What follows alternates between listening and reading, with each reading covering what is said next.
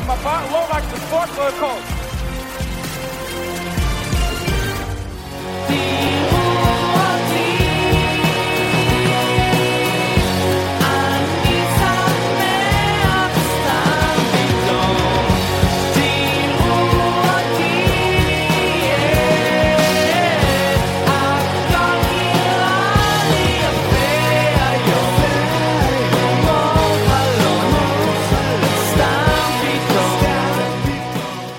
חלם שככה נפתח את השבוע? אנחנו במפה, פרק 24, הפודקאסט של הקבוצות הישראליות באירופה, שעה של כדורסל באוטוסטרדה הכי מהירה באירופה. שבוע טוב חברים, רק נאמר גם למאזינים שלנו, היום איתנו אורח מיוחד, כבר נציג אותו, אבל קודם כל, שבוע טוב יועד, שבוע טוב אופק.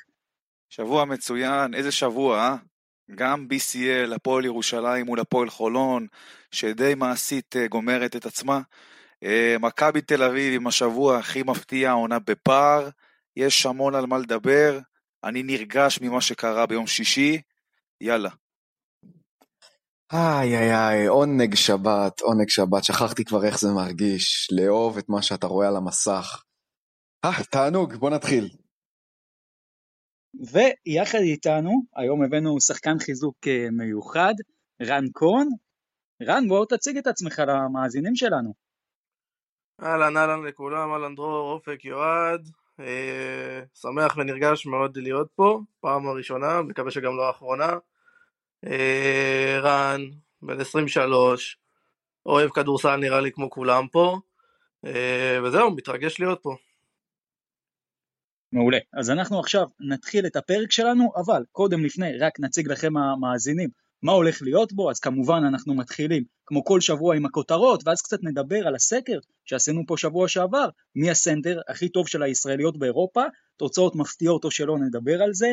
הפועל ירושלים, הפועל חולון, נסקר את מה שקרה במשחק הזה, נדבר על איך הפועל חולון התרסקה ככה, ומה הפועל ירושלים צריכה לעשות כדי להשלים את המלאכה ולעלות שלב, וכמובן אחרי זה נעבור למכבי תל אביב עם אולי השבוע הכי מפתיע שלה בשנים האחרונות, ממש הופכת את הקערה, מציבה את עצמה בפוזיציה טובה, נדבר גם על מה שקרה בטורקיה וגם על סיכויי ההעפלה של מכבי תל אביב לקראת השלב הבא, וכמובן יורוליג משוגע היה פה בשבוע האחרון, מחזורים כפולים, קבוצות שפתאום מנצחות, חוזרות, קאמבקים, מטורף, אנחנו נדבר על זה, וכמובן, בסוף, לא נעלם מאיתנו, הפועל תל אביב, מיני משברון, לאן זה הולך?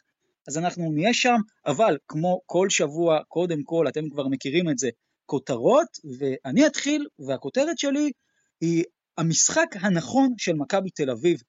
כי אני חושב שמה שהיה באנדולו, במחצית הראשונה במיוחד, ככה מכבי תל אביב צריכה לשחק. אני פה כל שבוע אומר לכם, איפה ההתקפה של מכבי, למה מכבי תל אביב לא מממשת את הפוטנציאל שלה, וסוף סוף ראינו משחק שלטעמי לפחות ככה מכבי צריכה לשחק, ואני לא אומר את זה רק בגלל התוצאה בסוף, כי אתם יודעים, במשחק הזה בסוף הכל הלך, ואפשר לומר שזה לא מדד וזה בכלל לא יכול להעיד על הכלל, אבל כן ראיתי דברים במשחק הזה שמכבי כמעט לא עשתה בשום משחק של העונה.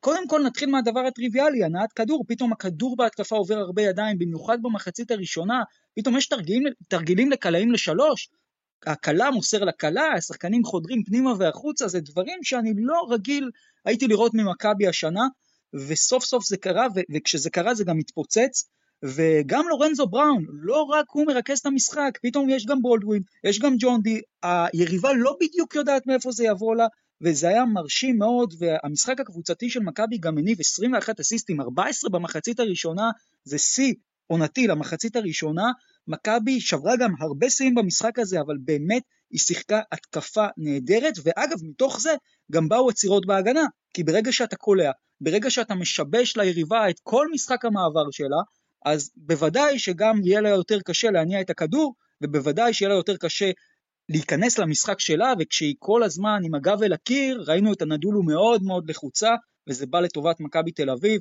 ואם דיברנו עכשיו על התקפות במעבר, אז מכבי, קחו את הנתון הזה, מתוך 39 נקודות ראשונות, 10 נקודות במתפרצת. איפה זה היה אצל מכבי תל אביב כל השנה הזאת, לא ברור. צריך גם לפרגן לעודד קטש, הבריק עם ג'יי כהן בחמישייה, עשה שם חילופים מרשימים מאוד, שיתף עשרה שחקנים ברבע הראשון, זה לא טריוויאלי לקטש, ואולי זה היה משיקולי דקות, אבל באמת, המחצית הראשונה באיסטנבול זאת הי, הייתה מחצית פשוט נהדרת של מכבי לדעתי, וככה מכבי צריכה לשחק. ככה מכבי צריכה לשחק. המשחק הנכון של מכבי תל אביב, זו הכותרת שלי לשבוע. יועד, מה הכותרת שלך?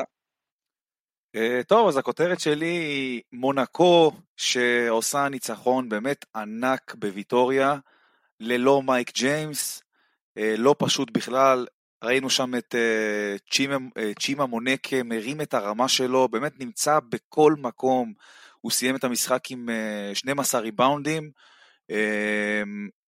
ג'ורדן לויד הרים את הרמה, אליו קובו, ממש חיפו על החיסרון של מייק ג'יימס, ומונקו נראית באמת כמו מועמדת רצינית לפיינל פור, אה, קבוצה קשוחה ברמות, אה, לנצח בוויטוריה, לא משנה איך אתה בא ואיך הם באים, זה תמיד קשה, במיוחד העונה. אה, בסקוניה מחזיקה במאזן הביתי הכי טוב אחרי מכבי, אני חושב, ומונקו, באמת שאפו, שאפו לקבוצה הזאת, הצגה. טוב, הכותרת שלי להשבוע זה הפועל תל אביב, כמו שאמרת דרור בתחילת הפרק. בדרך וניחוחות של מיני משבר, אה, בוא נגיד שבעת אה, הקלטת הפרק אה, במוצ"ש הפועל תל אביב ניצחה את גליל עליון, בוא נגיד שזה היה משחק לא קל ושהפסד שם בכלל יכולנו לשים סימן קריאה אחרי, אחרי הכותרת שלי. כי באמת אנחנו מדברים על ההפסד להפועל ירושלים וההפסד, וההפסד בבודד שנוסט והפציעה של תומר גינת שאנחנו יודעים איזה עוגן גם מקצועי אבל גם חברתי הוא להפועל תל אביב בוא נגיד שהם פוגשים אה, השבוע את המבורג, שהם הפסידו להם בסיבוב הקודם. עוד פעם, מתכון למשבר אמצע עונה קלאסי. בוא נראה, מבחן חשוב מאוד לדני פרנקו והחניכים שלו. בוא נראה לאן זה מתפתח בלי תומר גינת ובלי הביטחון שהיה להם עד כה. רד, מה הכותרת שלך? אה, אז הכותרת שלי היא ארמני מילאנו. אה, מילאנו שכבר, אה, בואו נאמר את האמת, חשבנו שזאת תהיה בגדול, לפחות אני, העונה הכי גרועה שלה נראה לי מאז 2014 עם הפלייאוף שכולנו זוכרים מול מכבי, אבל היא כרגע נמצאת במקום ה-13 עם מאזן 12 ניצחונות ו-15 הפסדים, אבל עם משחק חסר, כשמתוך השבעה משחקים שנשארו לה, יש לה עוד שני משחקים עם בולוניה, משחק מול ביירן בבית, משחקים אה, מול מכבי והנודלו בחוץ, ועוד משחקים יותר קשים מול ריאל וברצלונה. עכשיו, אה, מילאנו מול ולנסיה, אה, יש לה ניצחון כפול, וולנסיה נמצאת מעליהם בטבלה. כלומר, ניצחון של מילאנו במשחק החסר, והם עוברים גם את ולנסיה, ולכו תדעו איפה זה יכול לעצור. מילאנו קבוצה שלאט לאט חוזרים לה כל הפצועים, עם התוספת של שבאז נייפיר שהגיע אליהם ועוזר להם מאוד. ניצחון על פרטיזן במחזור האחרון, אה, ניצחון בדו ספרתי, הם גורמים לפרטיזן לקלוע רק 62 נקודות, קבוצה שהיא התקפית, כאילו התקפה זה הדבר הראשון שאפשר לומר עליהם, אה, קבוצה שקולט בממוצע 88 נקודות, להוריד אותם ל-62 נקודות אה, זה די מהלך גדול של כל הקבוצה. אסור לשכוח שהמאמן שלהם, עם כל הכבוד, זה מסינה הגדול, שועל ותיק כבר ביורוליג, אה, וזהו, הם עם שישה ניצחונות במחזורים האחרונים, שישה ניצחונות רצופים, ואני חושב שהם עוד יכולים להפתיע והם עוד לא אמרו את המילה האחרונה שלהם. כן, ואנחנו נדבר על מילאנו בהרחבה בחלק של היורוליג, באמת מדהים מה שקורה שם. אני חושב אגב, מגיעים לנו דיבידנדים פה ממילאנו על מה שהיא עושה, כי אנחנו לא דיברנו עליה כמה משחקים, ופה יש חוק, ברגע שמדברים על מילאנו היא מפסידה, אבל נראה שהפעם זה קבוצה אחרת לגמרי, גם מרגע ששבאז שם מצטרף, אה, הוא רק מנצח, שישה ניצחונות ברציפות יש למילאנו, אז אנחנו נדבר על זה בחלק של היורוליג. בואו נעבור מפה ככה בקצרה למה ששאלנו אתכם בשבוע שעבר, הנקינס, אונוואקו, אולי ג'וש ניבו, אולי בכלל מרווין ג'ונס, אז עשינו את הסקר הזה בפייסבוק בשבוע האחרון, קיבלנו 600 הצבעות, שימו לב לתוצאות. 79% אומרים זאק הנקינס, 15% אומרים צ'יניאנו אונוואקו, 5% אומרים ג'וש ניבו, ורק אחוז בודד, ממש כמה קולות ספורים, אומרים מרווין ג'ונס, אבל הנקינס מנצח פה בפער ענק. מה אתם אומרים על תוצאות הסקר? צפוי מאוד או שהופתעתם אפילו מהחד צדדיות, למרות שפה גם אנחנו היינו חד צדדיים בפרק הקודם? לדעתי זה. די צפוי, די צפוי, הנקינס אני חושב הכי דומיננטי מכל הרשימה הזאת, אה, והוא גם נותן את העונה הכי טובה בינתיים מכולם. כן, אני רוצה להגיד אבל שכן הופתעתי, ציפיתי שאונואקו יהיה קצת יותר חזק, גם אם לא ינצח את הנקינס, זה היה ברור, אה, אבל כן ציפיתי שהוא יהיה קצת יותר חזק. נגיד שזה אין מה לעשות, זה נרטיב של, של שחקן. אה, אונואקו של בני הרצליה, אם היינו עושים את אותו סקר ולוקחים בדיוק את אותו שחקן אה, מבני הרצליה, יכול להיות שה, שהסקר היה שונה, אבל עכשיו בהפועל תל אביב, הנרטיב שלו בקרב אוהדי הכדורסל הישראלי קצת השתנה. למרות זאת, חשבתי שהוא יעשה תוצאה יותר חזקה מזה. תראה, אני חושב. שאנשים מצביעים על אה, סקר כזה, הם גם לוקחים בחשבון את האופי של השחקן. זה לא רק היכולת המקצועית. ובואו, אנחנו יודעים שהאופי של אונואקו זה לא איזה משהו לכתוב עליו הביתה. אני מסכים עם, כאילו, עם שניכם, אין ספק שהנקינס אה, לא כזאת הפתעה. אה, אולי נואקו כן טיפה, אבל בואו לא נשכח שבתחילת העונה אני לא חושב שמישהו מאיתנו היה נותן להנקינס את המקום הראשון, במיוחד כשהוא נואק... אני הייתי נותן. מה, סליחה? אני הייתי נותן, אבל אתה צודק, זה בהחלט דרור, גם. הוא לא ציפה. בוא, תראה, רוצה הגיע, כחתול בשק. אף אחד לא, לא חשב מה יהיה אחרי- הפציעה שלו ואיך הוא יגיע ל- לעונה הזאת. אוהד, הבן אדם פה עם ראשון לציון עשה שמות בליגה. כן, אבל מאז עברו הרבה מים בנהר, הוא הגיע אחרי פציעה קשה, ואפשר להגיד שהוא הגיע די חתול בשק, אחרי הכל. רגע, דרור, דרור, אני רוצה לשאול אותך שאלה כנה. אם עכשיו אני אומר לך, בקיץ האחרון שהיה, אני נותן לך איזושהי אה, נבואה לעונה הקרובה, שצ'יננו נואקו הולך לשחק בהפועל תל אביב, וזאק הנקינס אתה יודע שבהפועל ירושלים. אתה עדיין שם את זאק הנקינס כסנטר הטוב בליגה, למרות שאתה יודע שאונואקו גם נמצא? כן, אבל אני זה לא דוגמה, כי גם אמרתי את זה בקיץ בכל מיני תוכניות של אוהדי הפועל ירושלים, אבל אני יודע שדעת הרוב לא הייתה שם. אני מאוד מאמין בהנקינס, שוב, יש לי קטע, אני מאוד אוהב את השחקן הזה, אני חושב שהוא מביא דברים שכמעט אף שחקן לא יודע להביא באירופה, אבל אני יכול להסכים איתכם לגבי הרוב, שהרוב לא היה שם. אבל אני כן, חד משמעית הייתי עם הנקינס לאורך כל הדרך. אני חושב ש... בואו, בתחילת העונה, לא הנקינס ולא אף שחקן אחר מהפועל ירושלים היינו אומרים שהם יראו ככה. זה כבר כאילו דיון אחר, אבל אה, לא הנקינס ולא מישהו נכון. אחר. נכון, בואו רגע נעבור באמת להפועל ירושלים, כי היא מנצחת את הפועל חולון בארנה, משלימה ניצחון שלישי על חולון בערך בחודש, וזה היה משחק שצריך לומר, ירושלים מובילה לאורך כל אורכו. אמנם בהתחלה זה כבר היה 19 הפרש, חולון במחצית מורידה לשלוש, שוב 16, שוב חולון מורידה לאזור השבע, אבל לא יודע, לא הרגיש שחולון אה, עד הסוף שם. ועוד משחק של הפועל? ירושלים. כאוהד הפועל ירושלים, אתה נלחצת ברבע השני והרביעי כשחולון אה, כבר הגיע לחמש? במחצית זה היה מלחיץ, כי במח... בטח עם הדנק בסוף, שאתה ככה יורד עם המומנטום, זה, אתה יודע, חולון שם אה, בסוף באמת רצה יפה. ברבע השלישי זה, זה היה יותר להיזהר, אבל זה, זה לא הרגיש שהפועל ירושלים הולכת לאבד את זה. בוא נגיד, הייתי מופתע אם הפועל ירושלים. הייתה מפסידה. לי היה ברור מהרגע הראשון שזה הולך לכיוון של הפועל ירושלים. אתה ראית מהרבע הראשון לחץ אדיר של הפועל ירושלים על הכדור, כמובן אופייני לג'יקיץ', מטווח שלשות, הם פשוט כמעט ולא החטיאו. הפועל חולון ברבע הראשון, אפשר להגיד די התפרקה, אה, אבל אתה יודע, בסופו של דבר מדובר בבני אדם, אתה לא יכול 40 דקות לשמור ולשחק באינטנסיביות כזאת, וגם מנגד להביא כזאת הצגה בהתקפה. אז אה, אני די צפיתי את הקמבקון הזה של הפועל חולון, ואת ה... הורדת הרגל מהגז, אם אפשר לקרוא לזה ככה. המחצית נגמרה בשלוש, אבל איפשהו באיזשהו מקום ידעתי.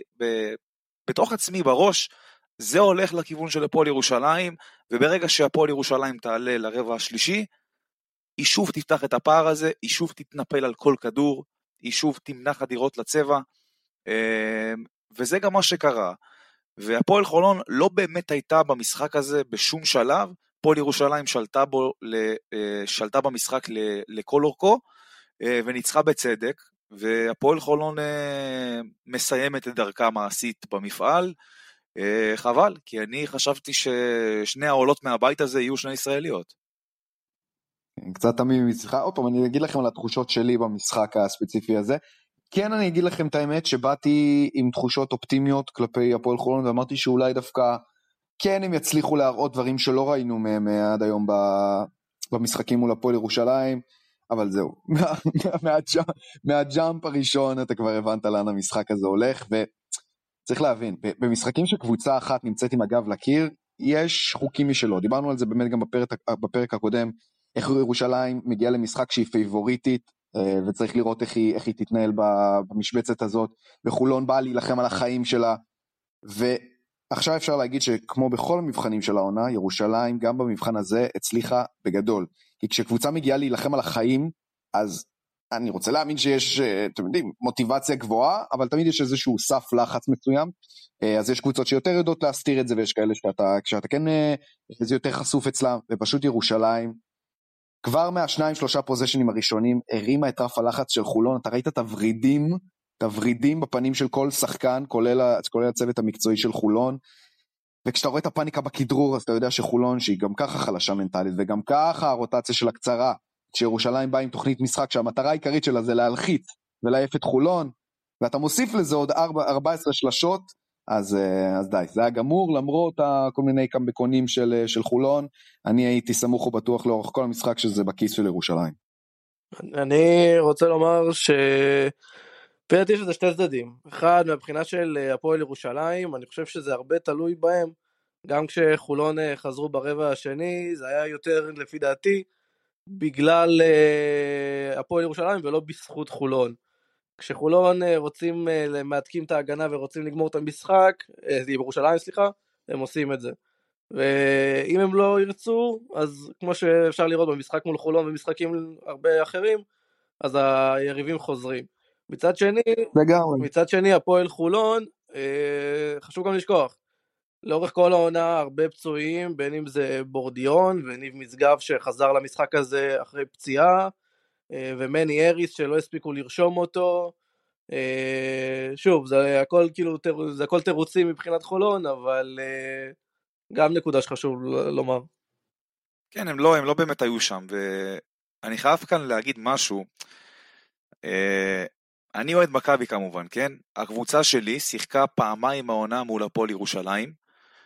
אני לא יודע איך להסביר לכם את זה, אבל כל פעם שגארד שלנו מכדרר ליד שחקן של הפועל ירושלים, בזמן שאתם יודעים, הם אה, מפעילים את הלחץ האטומי הזה, זה התקפת לב. זאת אומרת, בכל רגע נתון אתה יכול פתאום לחטוף deflection, חטיפה, הלחץ על הכדור שהפועל ירושלים מפעילה העונה, זה, זה בית ספר להגנה, בית ספר לכדורסל, וחבר'ה בואו, מי שעוצר את ג'ו רגלנד על משחק שלם על שני אסיסטים, זה אומר לי הכל.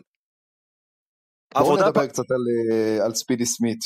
עבודה פשוט מדהימה, מדהימה של ספידי סמית על ג'ו רגלנד, ולא רק ספידי סמית, גם ברמה הקבוצתית, עבודה מדהימה של הפועל ירושלים על ג'ו רגלנד, ותשמע, תראה, אין מה לעשות, כשאתה מחסל להפועל חולון את ג'ו רגלנד, אתה מחסל את הפועל חולון. באמת? לא, אבל הנה, אם דיברנו באמת על לנקינס ועל איך היו התחושות עליו בתחילת העונה, ספידי סמית זה חתיכת שחקן שצריך לדבר עליו, כי לפני אה, חודשיים שלושה הוא כבר היה במטוס אה, לעוף מפה, אה, והיה המון המון אנטי כלפיו. 26 נקודות נגד חולון, מתגלה כשחקן קלאץ' רצחני. כן, הוא ניצח לא מעט משחקים השנה. הוא ניצח לא, לא מעט משחקים השנה. איך אתם רואים אותו? זה הפתעת העונה, זאת הפתעת העונה, אחת ההפתעות הגדולות באירופה, בטח בהפועל ירושלים, בטח בישראל, וזה גם התחיל רע, כלומר זה לא שזה בא והתפוצץ על השנייה הראשונה, זה היה נראה ממש רע, ומשהו קרה שם, אני חושב שהחיבור לג'יקיץ', וכולם יודעים את זה, שאם לא ג'יקיץ' ספידי סמית לא בהפועל ירושלים, כי הרבה מאוד אנשים במערכת של הפועל ירושלים רצו לסיים את זה מהר מאוד, וג'יקיץ' ידע על מי הוא הולך, ובאמת בינגו ענק של ג'יקיץ' ובינגו ענק של ספידי, שאני חושב אפילו מפתיע אולי גם קצת את עצמו, כי בסוף הוא עושה דברים ששייכים לרכזים הטובים ביותר באירופה כרגע. ראיתם אותו מול רגלנד? מי האמין שספידי סמית יהיה יותר טוב מג'ו רגלנד? זה נשמע כמו התחלה של בדיחה, אבל הנה, זה קורה. תראה איזה ביטחון, איזה ביטחון, הרים 11 שלשות במשחק, זה לא... זה לא שחקן שזה בקבוע אצלו בסטטיסטיקה, איזה זה ביטחון. זה לא הצד החזק שלו בכלל, זה לא הצד החזק שלו. הוא זה רק מראה לכם כמה זה חשוב ששחקן שמאמינים בו. זה רק מראה לכם כמה חשוב לשחקן לקבל את הגב מהמאמן. לדעתי. בואו לא נשכח, זה שחקן שירד אה, ליגה עם מכבי חיפה לפני שלוש שנים. וכמו נכון. שאופק אמר, תחילת העונה, מי חשב שהוא בכלל יעבור את חנוכה? כאילו, איפה, איפה מה שהיה אז ומה שהיום, והיום לא רק שהוא מחזיק לפי דעתי את אה, הפועל ירושלים, הוא גם אחד משני השחקני ההגנה הכי טובים שלהם, ביחד עם אור קורנליוס, שגם הוא הפתעה לפי דעתי בפני עצמה. אתה יודע מה זה מזכיר. לי קצת? אתם זוכרים לפני תשע שנים, היה איזה אחד תייריס רייס שכבר היה על המטוס. יועד, אתה חוטא פה, תיזהר לאן שאתה הולך עם זה. לא, לא, לא, אני לא הולך עם זה לשם, בוא, בוא לא נגזים, אבל אני חייב להגיד שלפחות בנקודת זמן הזאת יש קווי דמיון. אתה לא יכול להגיד שלא. בסדר, אמ, כי שניהם רכזים. רק ובאמת שהפועל היו ירושלים לא משחקים ביורוליג, הם משחקים ב-BCL, אבל תשמע, לך תדע. אוקיי, אני עדיין באמת אה, מחזק גם את רן סביב אה, קורנליוס, ש... בוא, ראיתי את ההחתמה הזאת, אה, ההחתמה הזאת בקיץ, ובסך הכל כן, כן אתה רואה שחקן עם פוטנציאל, גארד גבוה, אבל כן הרגיש שזה איזושהי ברירת מחדל בגלל השוק הישראלי, אז החליטו ללכת עליו. תקשיב, הוא מתגלה פה שחקן, קודם כל הוא מביא את את הישראלי חוצפה הזה, במובן הכי יפה שלו, הוא חתיכת שחקן הגנה, הוא ארס, הוא גבוה, זה שחקן שאתה רוצה, שאתה רוצה אותו בארסנל שלך תמיד, הפתעה מהממת אור קורנליוס. אני תמיד אה, משווה את אור קורנליוס, ל- אתה יודע, שחקן כזה מציק, סטייל אה, גיל בני כזה. הוא עושה את העבודה השחורה, הוא לא, לא הביאו אותו בשביל לקלוע 20 נקודות למשחק וגם לא 10, הביאו אותו בשביל אה, לעצבן את השחקן היריב, לחטוף כמה כדורים, אה, לקלוע איזה שלושה שתיים ולנצח את המשחק. על דבר אחד כולם מסכימים, אור קורנליוס זה ארס. במובן הטוב, כן, חלילה, אור, במובן הטוב, כן. במובן הטוב. כן, וגם איזושהי החלאה של ננדו דה קולו עם עוד איזה מישהו. אבל על זה, זה, זה כבר נושא אחר. בואו רגע נעזוב את הפועל ירושלים, נחזור אליה עוד לגבי מה היא צריכה לעשות, ואגב, גם לגבי הרעיון של ג'יקיץ' בסוף, אנחנו עוד נחזור לזה, אבל אני רוצה לשאול אתכם דווקא על הפועל חולון. בדיעבד, וכולם חכמים גדולים בדיעבד, אבל היה משהו אחר במשחק הזה שהיא הייתה צריכה לעשות? אני לא חושב, תראה, אני ציינתי בפרק הקודם שהיא הייתה צריכה את שון דוסון והיא קיבלה אותו, וגם זה לא עזר.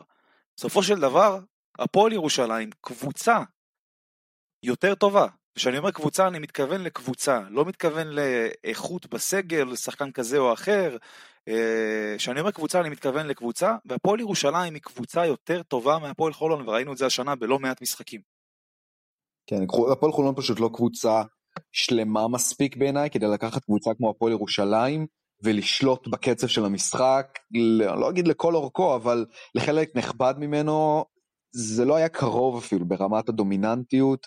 ראיתם שהפועל, שהפועל ירושלים, המשחק הזה ילך לפי איך שהיא תנווט אותו, ובדקות האחרונות, בשתיים שלוש דקות אה, לסוף המשחק, גם כשהפועל ירושלים רגע התפקסה, ראיתם שזה לא כוחות. אה, אנחנו דיברנו על הסגל הכן כישרוני ש- שהפועל חולון אה, בנתה פה, והיו גם דיבורים על זה שהוא אפילו יותר מוכשר מהסגל ש- שלקח אליפות שנה שעברה, אז זה, זה כישלון בכל קנה מידה. כלומר, הפועל אה, חולון, הפועל חולון, נו.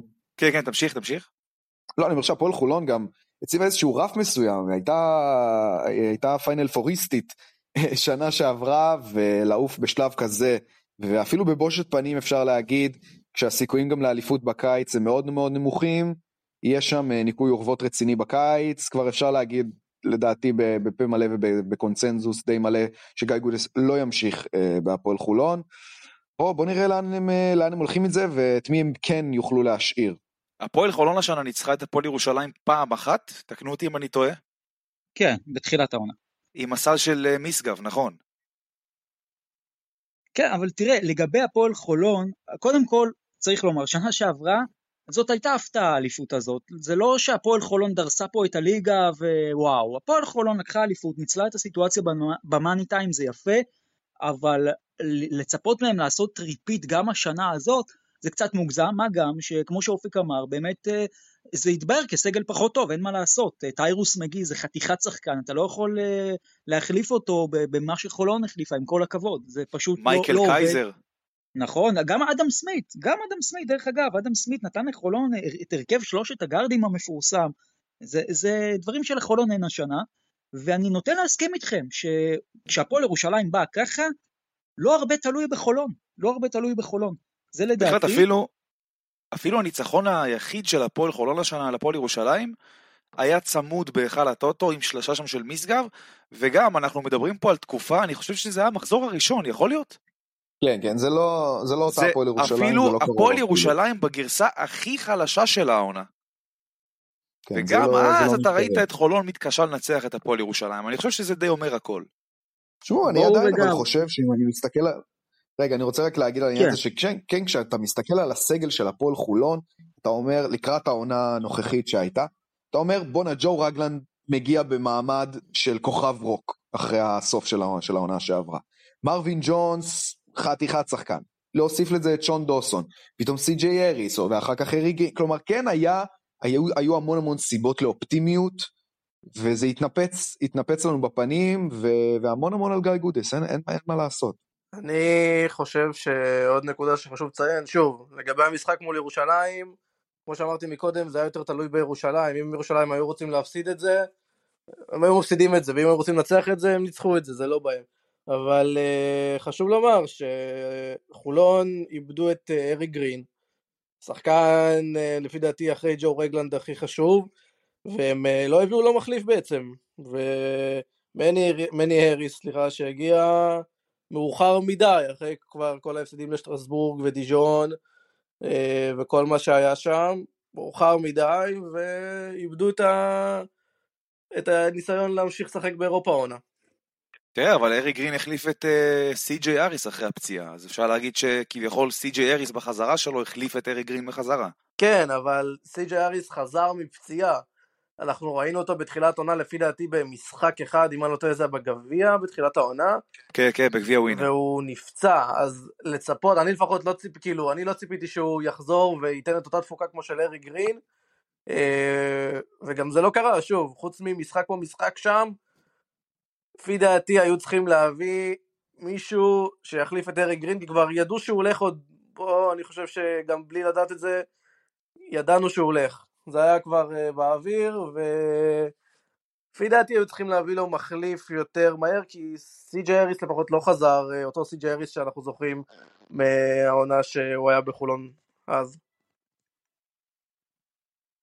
כן, וארי גרין צריך לומר, תפר להפועל תל אביב את הצורה עם אה, בודדשנוס, ניגע בזה בסוף התוכנית, אבל אני רוצה דווקא קצת לדבר איתכם על הפועל ירושלים, תשעה ניצחונות ברציפות, יש לה גם רצף של שלושה ניצחונות על הפועל חולון, ורצף של שלושה ניצחונות על הפועל ומכבי תל אביב, והשאלה היחידה שאני שואל, האם היא מגיעה לשיא קצת אולי מוקדם מדי, כי מפה היא צריך, חייבת לשמר את היכולת, כבר נדבר על מה היא צריכה לעשות, והיא צריכה לעשות עוד הרבה בליגת האלופות, האם היא מגיעה אולי לשיא טיפה מוקדם מדי, או שאתם אומרים, הפוך, היא מגיעה לשיא בדיוק בזמן. לא חושב. אני לא חושב בכלל. ככה.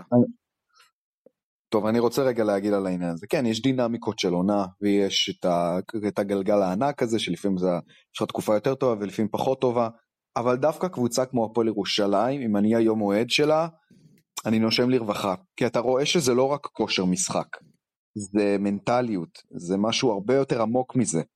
אה, ובגלל זה כן, סביר להניח שכמו בכל עונה, תגיע עוד, עוד כמה שבועות תקופה קצת פחות טובה. אבל עדיין יש פה יסודות שנבנו שאתה כבר רואה שזה לא משהו שיעלם בשניים שלושה הפסדים ש- שימחקו את הכל. אני בסופו של דבר חושב שהפועל ירושלים תגיע לשלבי אפריל-מאי בכושר טוב, כשהיא יודעת בדיוק מה היא עושה, כשהשחקנים להפך. אני רוצה להאמין שזה רק ישתכלל אה, עם הזמן. כן יגיעו ערבי קליעה פחות טובים ודברים שפחות ילכו, אבל השלד כל כך חזק שאני לא רואה את זה באמת מתערער עד לרמה של אה, כאוס באפריל-מאי. חברים, אלכסנדר ג'יקיץ' שולט שם בהכל, הוא יודע מתי להביא את הקבוצה לשיא שלה, הוא יודע מתי קצת להוריד את הרגל מהגז, אני חושב ש... כשיש קבוצה שאתה רואה עליה שהיא נשלטת כל כך ביד רמה על ידי המאמן שלה ברמה כזאת, אני חושב שהאוהדים שלה יכולים להיות די רגועים, אה, כי מתי שהם יצטרכו להרים את הרמה, הם ירימו את הרמה, ומתי שהם יצטרכו להוריד קצת מהרמה, וקצת לרדת יותר לקרקע, אה, ופחות אה, לשחק חזק, הם ישחקו פחות חזק. אה, ואני חושב שהפועל ירושלים תגיע לשלבים המכריעים של העונה, אם זה ב-BCL או אם זה בליגה, בשיאה, אה, ואני לא חושב שיש כאן אה, איזושהי רכבת הרים של אה, עונה שלמה, שאתה יודע שפתאום הפיק עכשיו גבוה מדי והם בשיא שלהם, וזה בהכרח מסמל על ירידה לקראת השלבים המכריעים ב-BCL או, ב- או בליגה. הפועל ירושלים קבוצה טובה, היא מאמן ברמה מאוד גבוהה, והיא תעשה צרות לכל מי שתפגוש אותה גם באירופה וגם בליגה. זה, זה דעתי.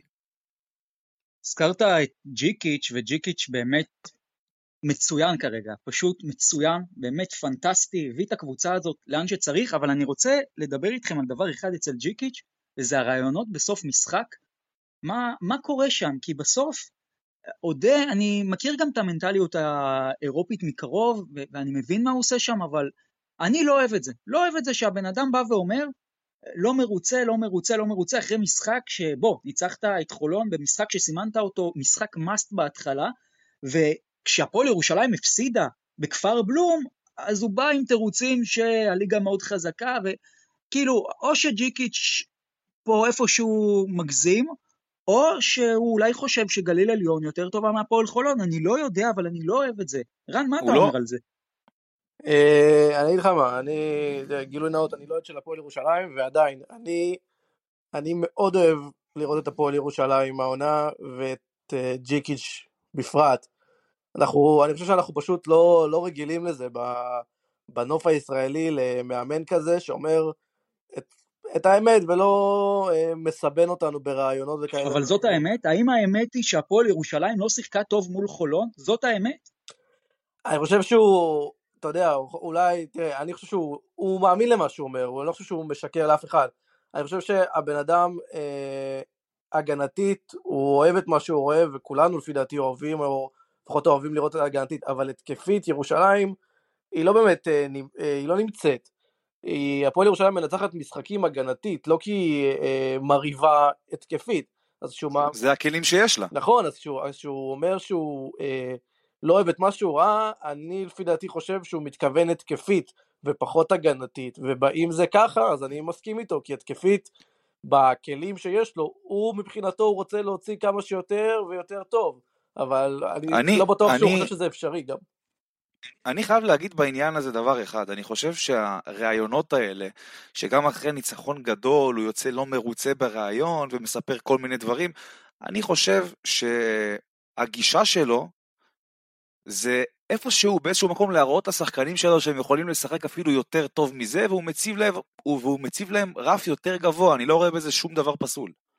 להפך. זה משחקים פסיכולוגיים של ג'יטיץ', ז'ליקו עשה על זה קריירה לשלוח מסרים לשחקנים דרך אה, רעיונות אחרי משחק, אה, בסדר זה, זה, זה, זה חלק מהמנטליות. אין שום דבר אה, פסול בזה, בלהציב רף גבוה לשחקנים שלך. בדיוק, אני גם חשבתי על אוברדוביץ'. אני לא יודע אם השחקנים לומדים את זה מהתקשורת, ואני אגיד לכם גם עוד משהו, הביקורת שלו, אם מוצדקת, אם שמתם לב הוא הסביר, זה שאנחנו חוסמים תשע פעמים במשחק, זה אומר שקו ההגנה הראשון שלנו לא תפקד. אגב, צודק לחלוטין. הוא צודק, צודק בזה במאה אחוז. צודק לחלוטין, אבל זה לא העניין של הביקורת, הביקורת נכונה, אבל ברור שבמשחק הזה גם היו הרבה מאוד דברים טובים. לי קצת מפריע, אני אומר אפילו כאוהד, לשמוע את זה, כי, כי בסוף הרי, בוא, אם הקבוצה הייתה נכשלת, זה, שוב, יש פה איזו רטוריקה שאם מצליחים, אז תזרום עם זה, מה שנקרא, אבל בואו רגע נעזוב את ג'יקיץ' ונעבור להפועל ירושלים ומה שנשאר לה. תראו, הסיטואציה של הפועל ירושלים היא לא פשוטה, הפועל ירושלים שמונה ניצחונות מתוך עשרה משחקים ב-BCL ועדיין, אם הפועל ירושלים לא מנצחת את שני המשחקים בצרפת, יש סיכוי שהיא לא עולה. בואו נתחיל רגע מהדבר הפשוט, קודם כל שני הפסדים, אם הפועל ירושלים תפסיד גם בדיז'ון, גם בסטרסבורג, לא משנה מה חולון עושה, לא משנה מה אלאדין עושה, הפועל ירושלים פשוט לא עולה שלב. נתחיל מהדבר הזה. אם הפועל ירושלים מנצחת את דיז'ון, היא עולה שלב בוודאות. שוב, לא משנה מה קורה, אם היא תנצח גם את סטרסבורג לאחר הניצחון בדיז'ון, שוב, לא משנה מה חולון עושה, הפועל ירושלים גם תסיים במקום הראשון. מה קורה במצב של אחת משתיים? פה זה טיפה מתחיל להסתבך, כמובן מאחת משתיים במצב שהפועל ירושלים מנצחת בסטרסבורג ומפסידה בדיז'ון. עכשיו תשימו לב, אם הפועל ירושלים מפסידה בדיז'ון, זה מאוד מאוד קריטי מבחינת ההפרש. למה? כי כרגע הבית הפנימי בין ירושלים לדיז'ון לסטרסבורג, מבחינת ההפרשי סלים, סטרסבורג עם פלוס 31, ירושלים כרגע עם מינוס 6 ודיז'ון עם מינוס 25. אם דיז'ון תנצח את הפועל ירושלים בדו ספרתי, גם תשבור בעצם את המאזן הפנימי מולה, כי אז גם כל קבוצה תהיה ב-2-2 אם ירושלים תפסיד בדיז'ון ותנצח בשטרסבורג.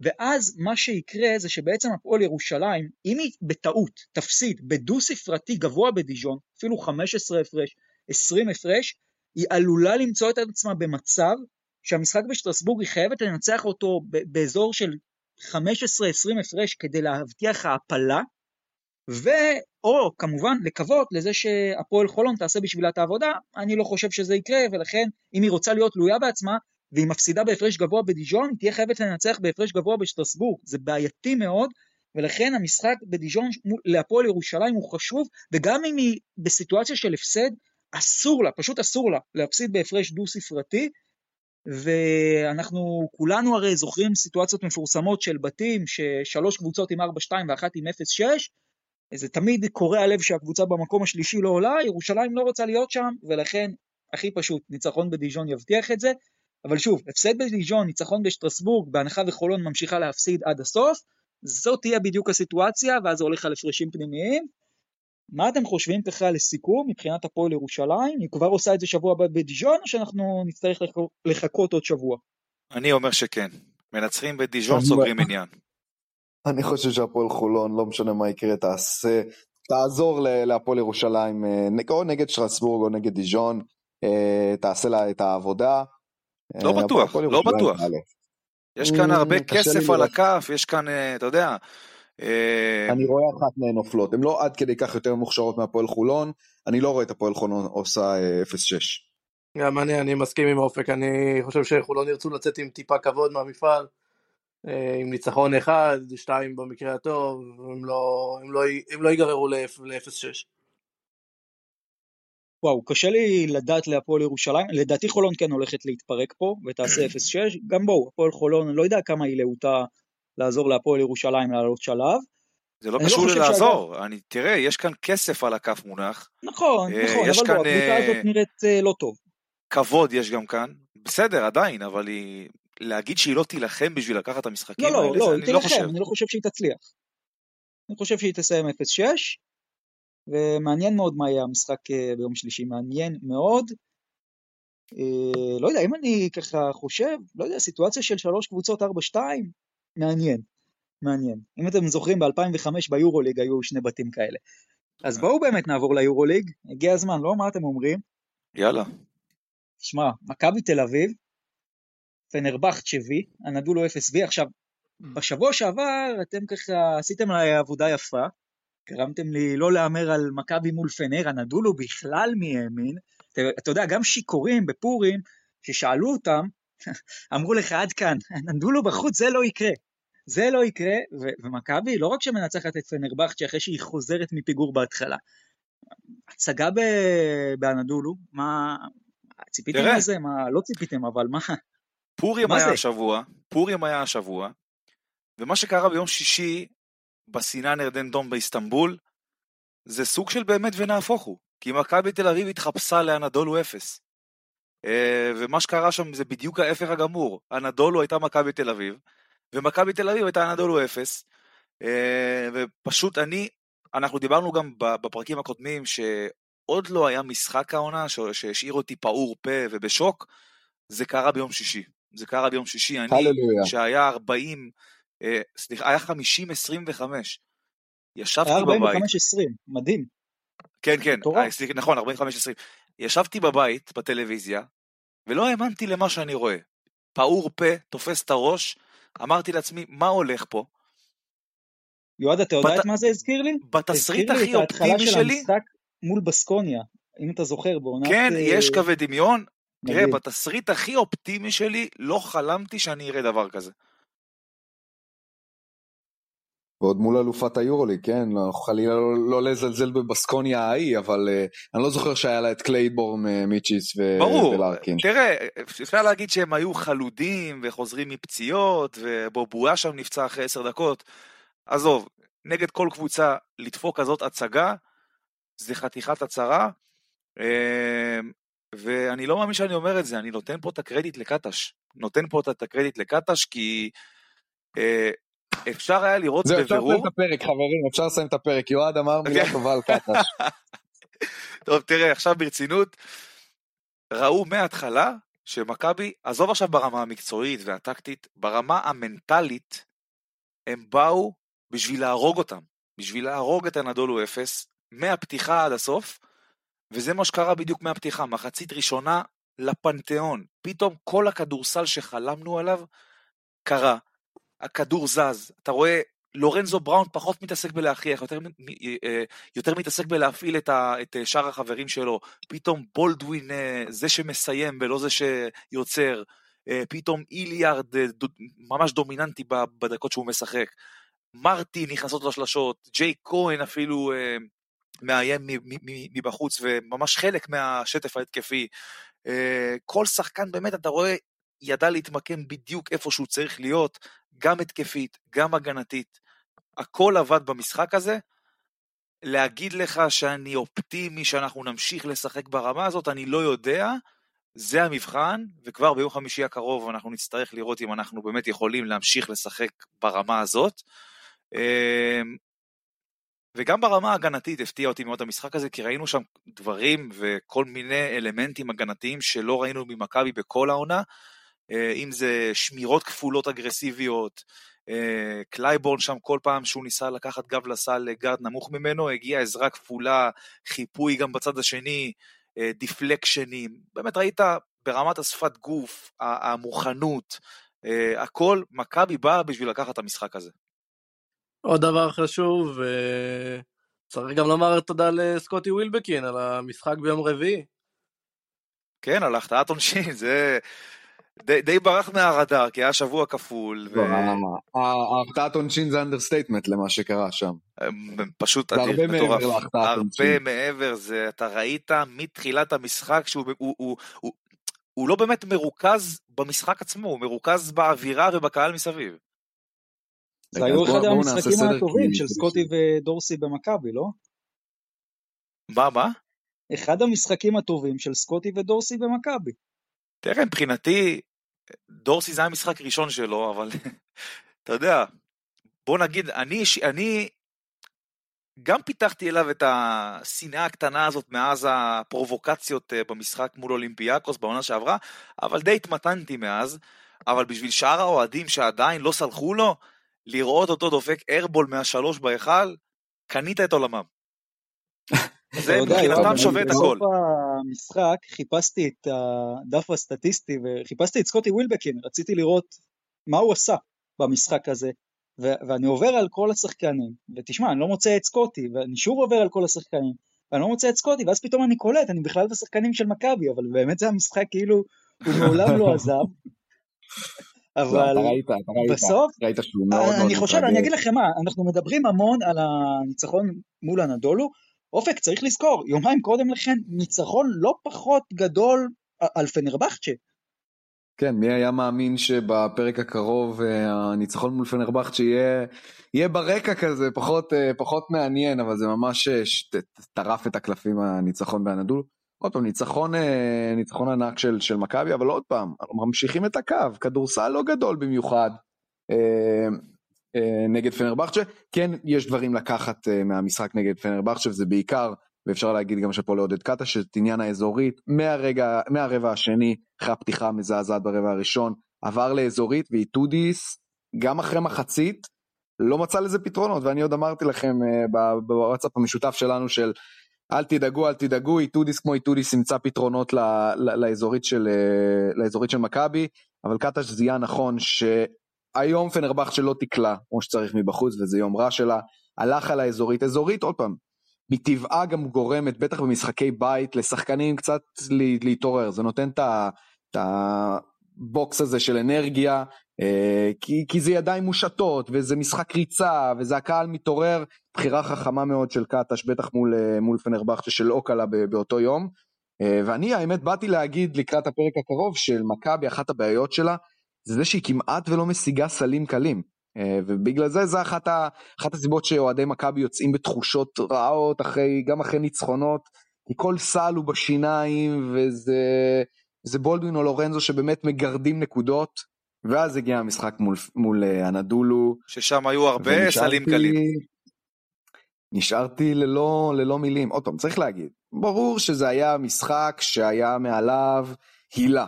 הכל הלך כאילו כמו מחשב, אין לי מה להגיד. גם החילופים של קטש, הכל בול, און פוינט. גם בהגנה, הכל כאילו מסורטט, כאילו ממש רובוטים משחקים, אה, משחקים על המגרש. סביר להניח שלא נראה אה, עוד הרבה ערבים, אה, ערבים כאלה. אני בעיקר לוקח מהמשחק הזה את, ה, את הקור רוח של, אה, של מכבי. כלומר, היו רגעים, וכולנו גם יודעים מי זאת אה, אנדולו אפס ואיזה כוח אש וכישרון יש לה.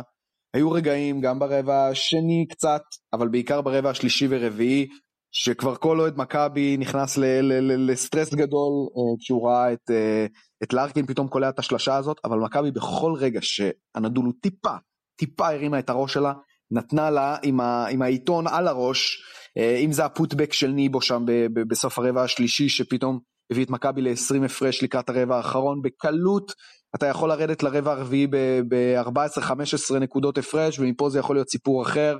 שלא לדבר על הדגרס של, של לורנזו בראון, שהראשון פשוט רצח את הנדולו ורצח לה את המומנטום, כשהשני זה היה כבר וידוא הריגה, אה, ובאמת את האלמנטים האלה שבדיוק כשה, כשהנדולו טיפה הרים הראש, הגיעה איזה חטיפה, הגיע איזה פוטבק, הגיע איזה סל שקצת הרגיע את הלחץ, זה מה שאני לוקח מהמשחק הזה למשחקים הבאים, וגם להבדיל מעונות קודמות של, של מכבי תל אביב, חברים, יש בעל הבית, גם כשהוא לא במשחק מזהיר, יש בעל הבית.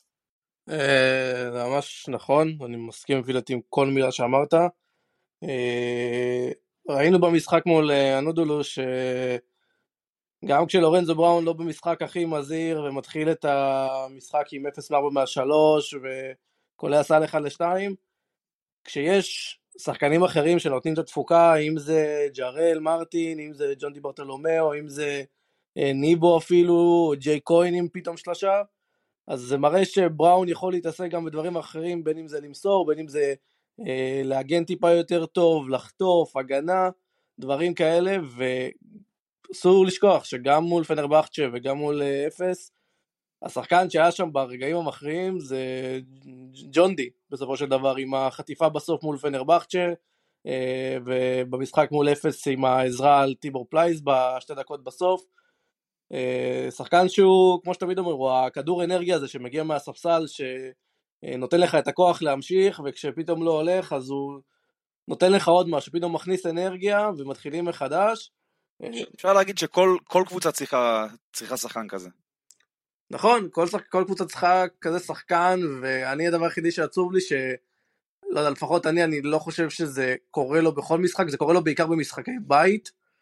אה, פחות במשחקי חוץ, אבל משחקי חוץ זה בעיה של כל מכבי, לאו דווקא רק ג'ון די. אה, ועוד נקודה אחת שרציתי לומר, שכן ראו במשחק מול אפס, שעודד קטש הגיע עם איזושהי תוכנית, שאולי בהתקפה זה ממשיך להיות pick and roll עם ה system הידוע והמוכר של עודד, אבל הגנתית הם הגיעו עם דברים מאוד אה, מסודרים, אם זה שמירה כפולה על קלייבורן ולהשאיר את אמביה פנוי ולתת לו לזרוק או לחדור לסל, שיעשה מה שהוא רוצה, אבל לשמור על הגורמים המאיימים באמת של אה, אפס, אה, בשמירה, אם זה שמירה כפולה, אם זה עזרה כשצריך, אה, וזה הוביל לחטיפות של בולדווין, קולסון וכל החבר'ה שם. תראה, אני, אני לא יודע השנה עד כמה זה חכם כל כך להשאיר את אמבייל פנוי לשלוש, כי הוא מעל 50 אחוז, אבל גם זה, גם כאן הימרנו והימרנו נכון. אבל אתה ראית בבירור שיש שחקנים שלא מקבלים תשומת לב. אם זה ארטן גזי הטורקי, שראית, מכבי פשוט הביאה לו להעיף מתי שהוא רוצה ומאיזה טווח שהוא רוצה. גם וויל קלייבורן, עם כל הכ... כן, הוא שחקן ענק ואיכותי מאוד, אבל הקליעה זה אף פעם לא היה הצד החזק שלו. גם אצל וויל קלייבורן אתה ראית שלא ממהרים כל כך לצאת אליו, אה, ויכול להיות שבצדק, ומכבי גם כאן הימרה נכון, אה, וזה עבד לה. ובשני המשחקים האחרונים, גם, גם ביום שישי מול אנאדולו וגם מול פנרבכצ'ה, אתה ראית שקטש לוקח כל מיני אלמנטים אה, אצל היריבה, אה, ואומר, טוב, אני יכול להמר על הדבר הזה, לקוות שזה יצליח לי, ומכאן, יאללה, בוא, בוא נקווה שיהיה איזה משהו טוב, ולשמחתי, אה, זה צלח בשני המשחקים האלה. אני חושב שאחד הסממנים הכי גדולים לזה שזה הערב קסום, באמת קסום, זה שתנסו רגע לחשוב על כל שחקן במכבי תל אביב נגד הנדולו, אפילו תכללו גם את עודד קטש, כל שחקן במשחק הזה הגשים, אבל בדיוק, בדיוק, את הייעוד שלו במכבי. בדיוק. כלומר, אם זה ג'רל מרטין, שזה בדיוק מה שאנחנו רוצים מג'רל מרטין, זה. ומדארן איליארד, שזה בדיוק זה. ובולדווין, לא רוצים פחות מזה, לא רוצים יותר מזה. ולורנזו, מבחינתי הלוואי, גזור ושמור את הנתונים הסטטיסטיים האלה בכל משחק, אני כן. חי עם זה בשלום מאוד, פשוט, כאילו, וג'יי כהן, וג'ון די, ו- וניבו, כלומר, זה ערב כל כך קסום ש-12 מ-12 שחקנים במכבי, יכלול גם את עודד קטש, עם משחק מושלם למידותיהם. תראה, שבתחילת העונה החתמת את לורנזו בראון, אמרת, חבר'ה, יש פה אוסף של סקוררים לידו, קלעים, איליארד, בולדווין. אה, אתה ציפית שלורנזו בראון לא יהיה זה שמקבל את ההחלטות ההתקפיות וזה שעושה את הנקודות. אתה ציפית שהוא יהיה זה שמנהל את העניינים, וגם שיהיה המנהיג, שידע באמת שכולם כבר אה, לא, אתה יודע, רדומים, שכלום לא הולך, הוא יהיה זה שיבוא וייתן לך את הסלים הגדולים, וזה בדיוק מה שהיה אתמול. אתה ראית, הוא סיים את המשחק עם שמונה אסיסטים, מהרגע הראשון הוא פחות התעסק בעצמו, יותר התעסק בלהפעיל את החברים שלו, שלט בקצב יוצא מן הכלל, אה, ובסוף, כשבאמת כל השחקנים של מכבי די קפאו, אה, ושהיה איזשהו מומנטום של הנדולו, שהכרוז התעורר, מוסטפא אוזביין האגדי, אה, ושהקהל גם התעורר, אתה ראית שהוא בא עם שתי השלשות האלה מנוהוור, והשתיק את כולם, ובעצם גמר את המשחק. וזה מה שאתה רצית וחלמת לראות מלורנזו בראון לאורך כל העונה.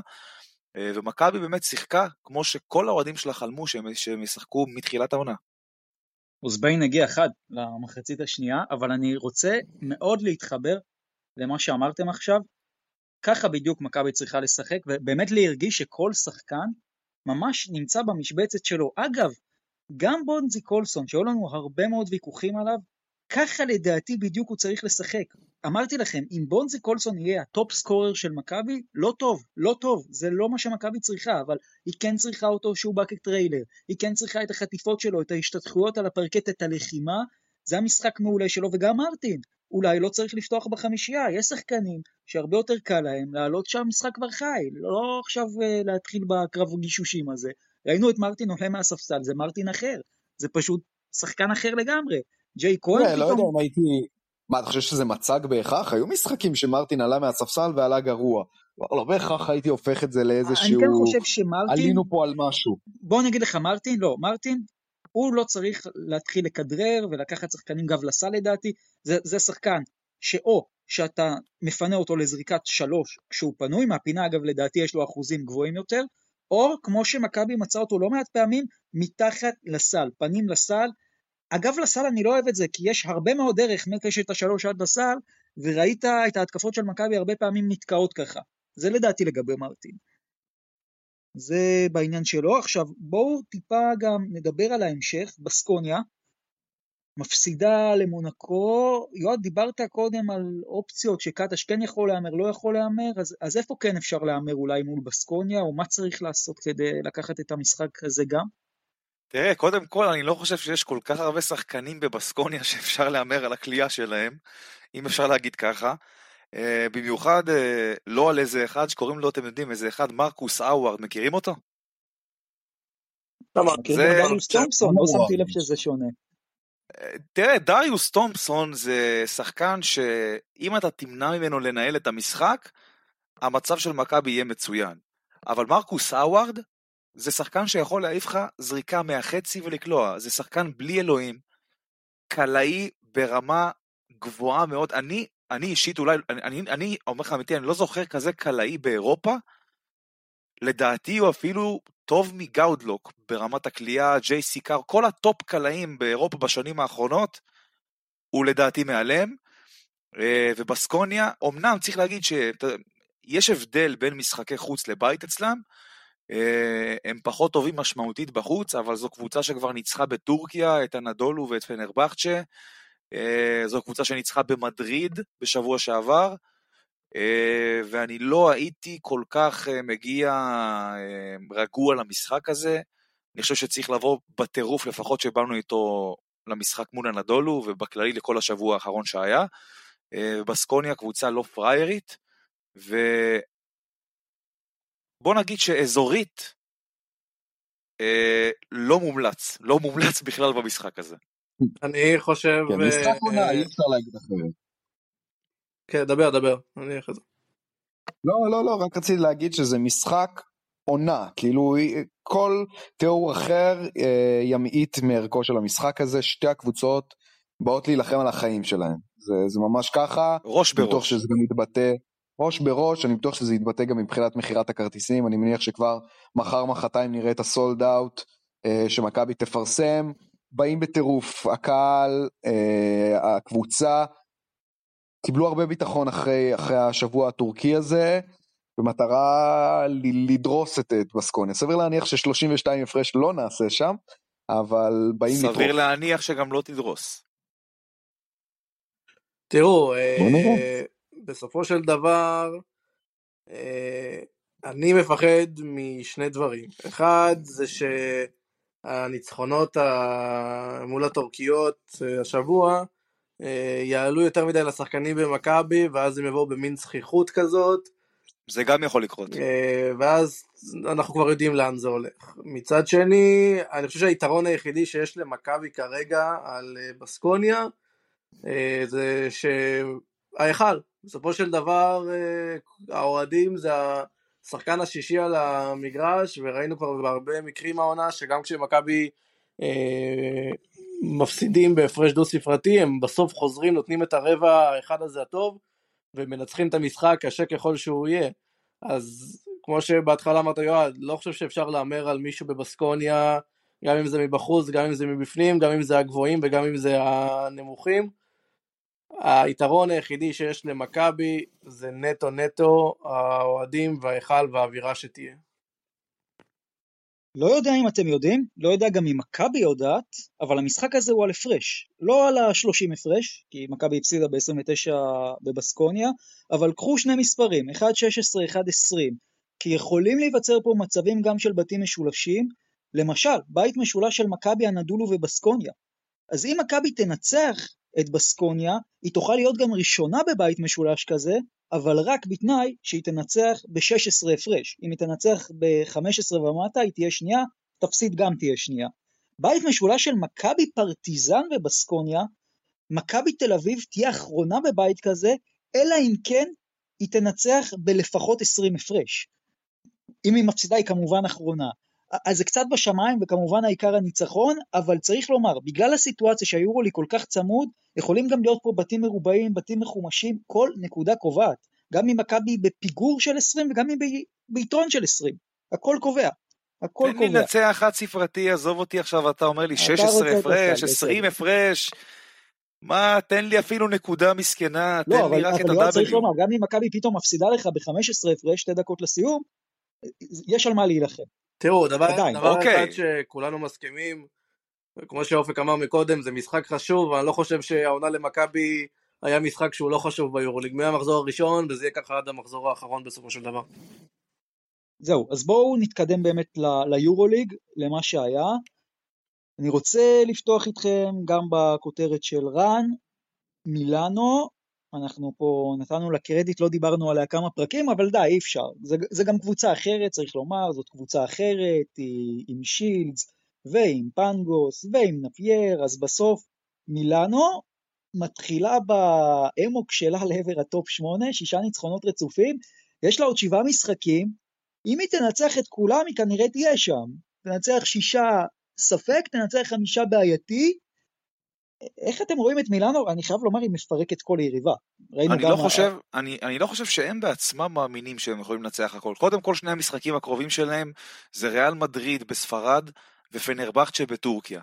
אני חושב שכאן זה פחות או יותר ייגמר, אבל אה, תשמע, אי אפשר שלא לפרגן, הם באו באמת מהתחתית של התחתית, הם היו, לא היו מסוגלים לקנות סל, לקנות ניצחון, הם הפסידו למכבי בבית שם, אני בהצגה באמת כל כך, אני, אני אפילו ריחמתי עליהם, אפילו שלא לא ניצחנו הר- הרבה משחקי חוץ השנה, וכל כך היינו צריכים את המשחק הזה, ריחמתי על מילאנו שראיתי מה עובר עליהם באותו משחק, אבל uh, אני חושב שהם התעוררו מאוחר מדי, זה too late, uh, והחלום של הפלייאוף מבחינתם לדעתי יסתיים בשבוע-שבועיים הקרובים בשני משחקי החוץ, אבל uh, תשמע, חייב לפרגן, שאפו על הקאמבק, לא פשוט לקום ככה מהתחתית ולהיראות כרגע כמו שהם נראים. אני רק uh, רוצה רק שנייה לתקן אותך, יועד. Uh, המשחקים הבאים שלהם זה מול ריאל וביירן.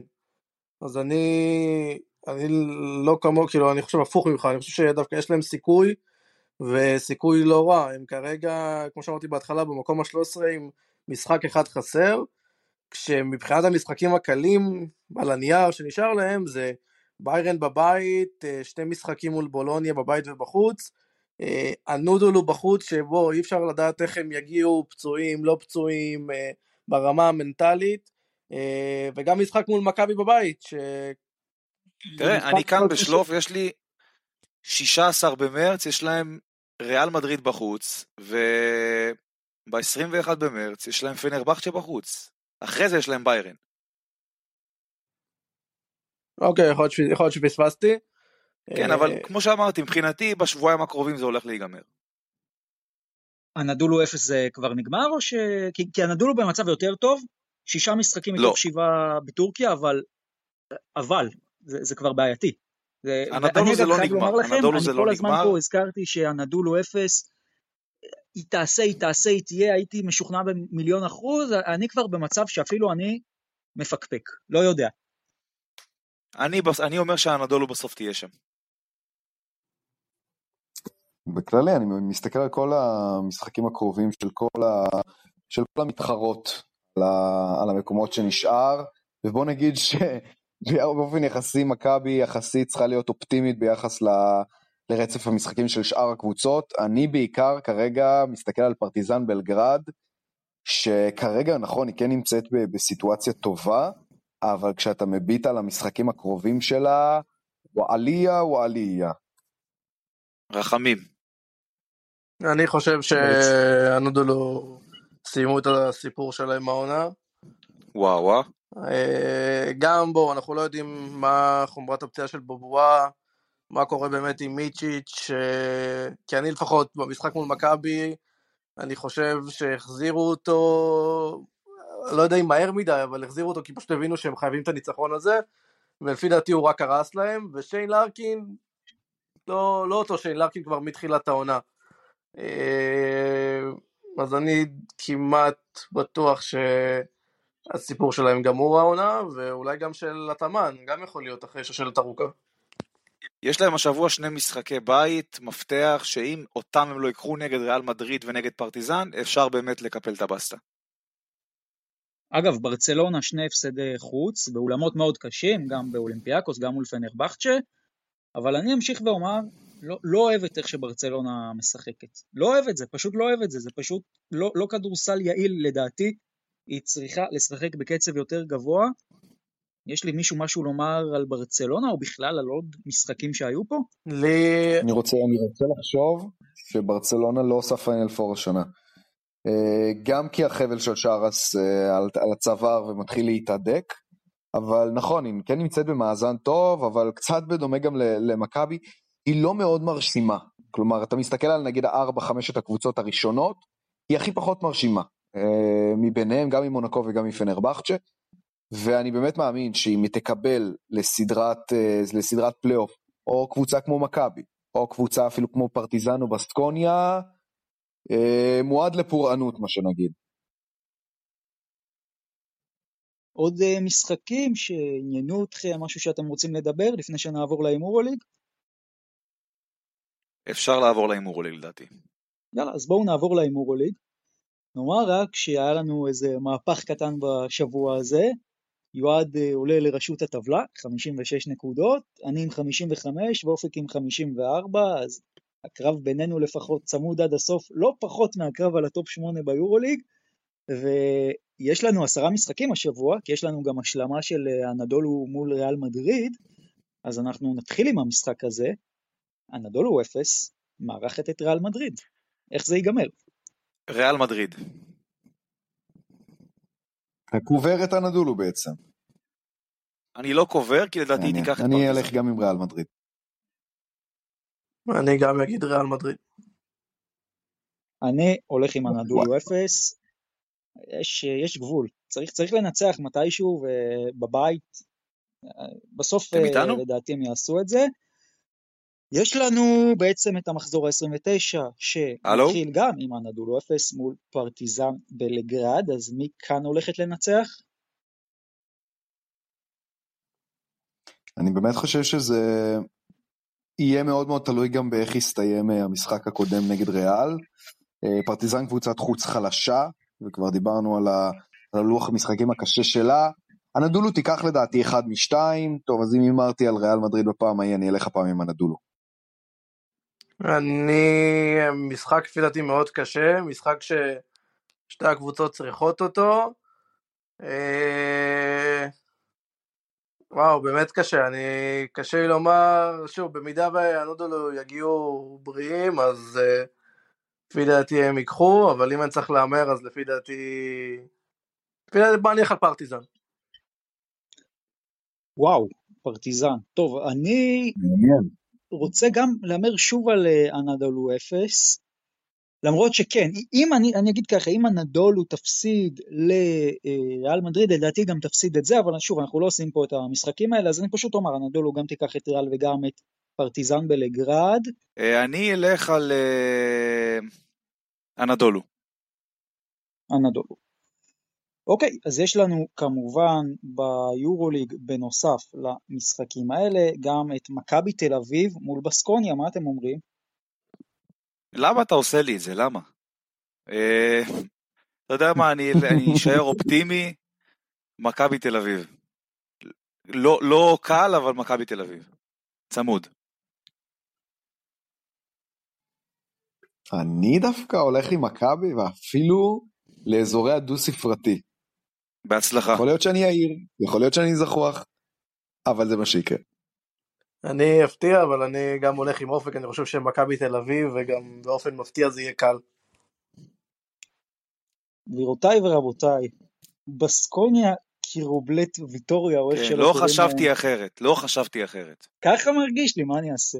אוקיי? לא, לא הגיוני שתנצחו גם וגם וגם. אבל אתה יודע מה, אני לא אופתע אם מכבי תנצח, אבל אה, בוא נגיד את זה ככה, בטבלה כבר אולי לא יהיה צמוד לפה או לפה, אחרי ההימור הליג הזה. ז'לגיריס אולימפיאקוס, אולימפיאקוס. להתקדם. כן? אולימפיאקוס גם? האמת שזה לא כזה קל, לא זה לא כזה קל, אבל אני רואה את אולימפיאקוס מנצחת, כן. סלוקאס בספק למרות דרך אגב צריך. להגיד. מי בספק?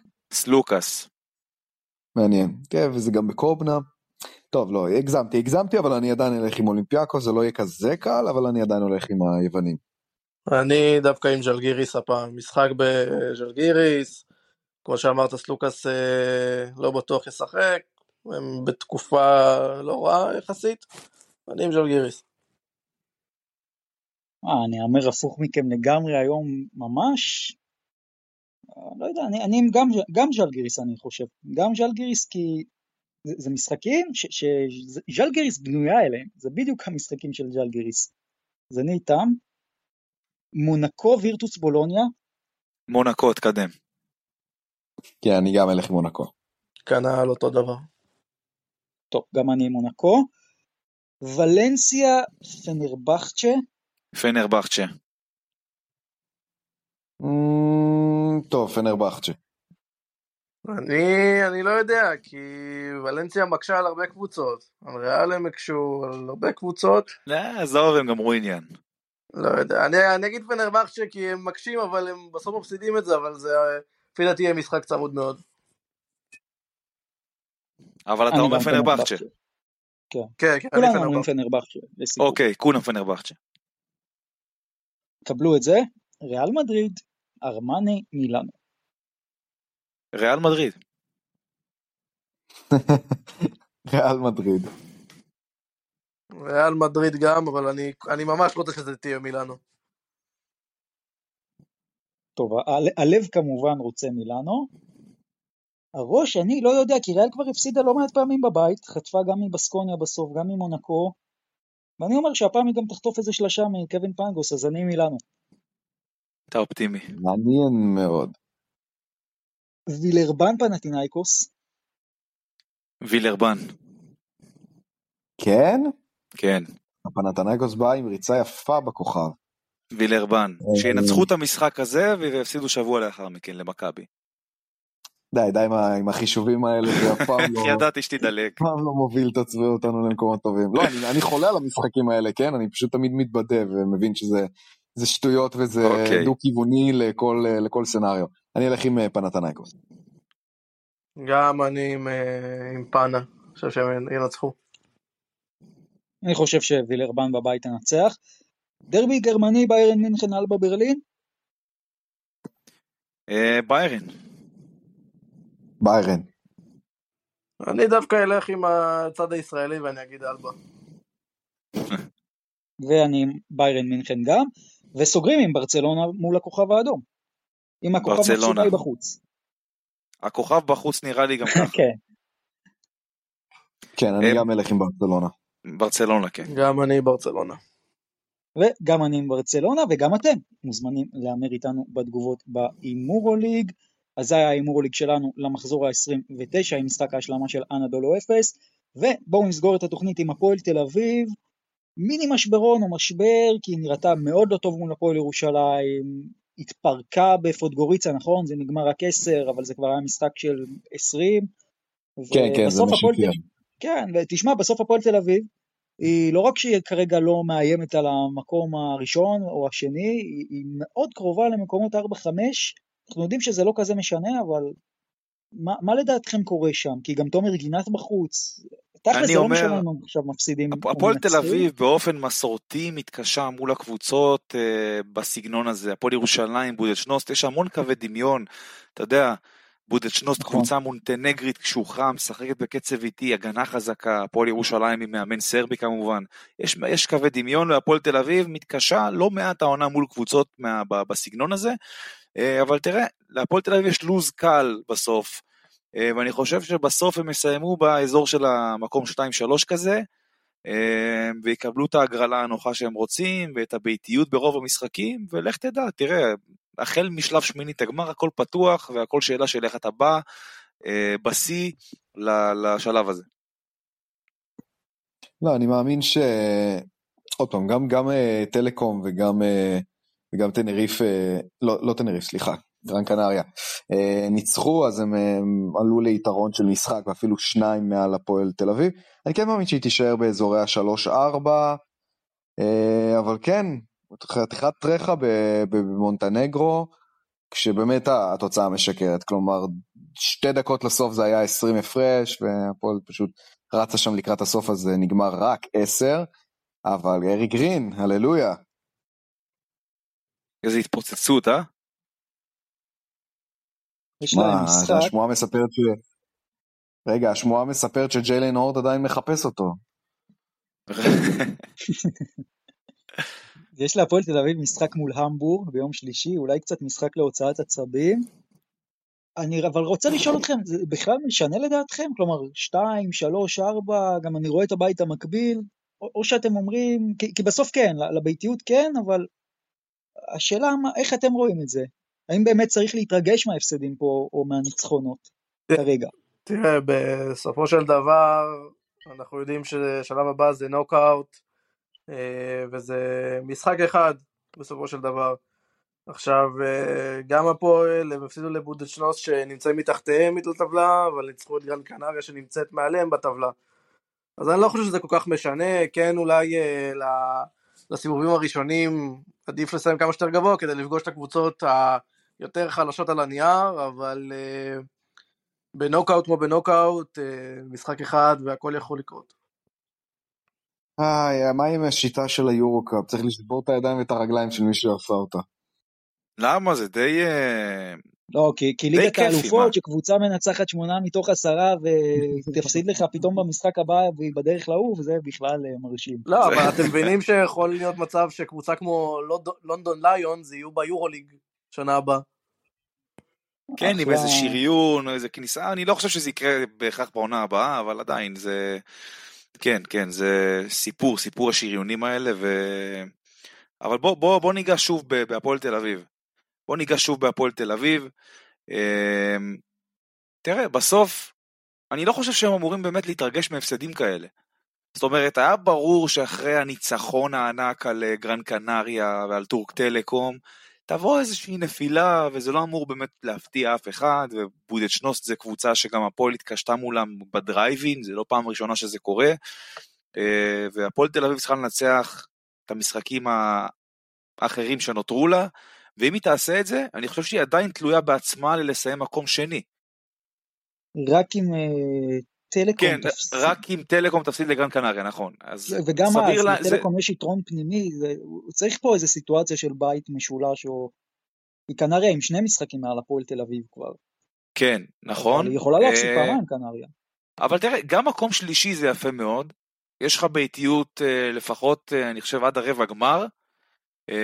כמובן שזה תלוי בקבוצות שמודחות ומעפילות, אבל בסוף הפועל תל אביב תצטרך את המשחקים האלה לקחת, לסיים מקום 2, 3 או וואטאבר, אמ, ולבוא מוכנים 100% לשלב שמינית הגמר.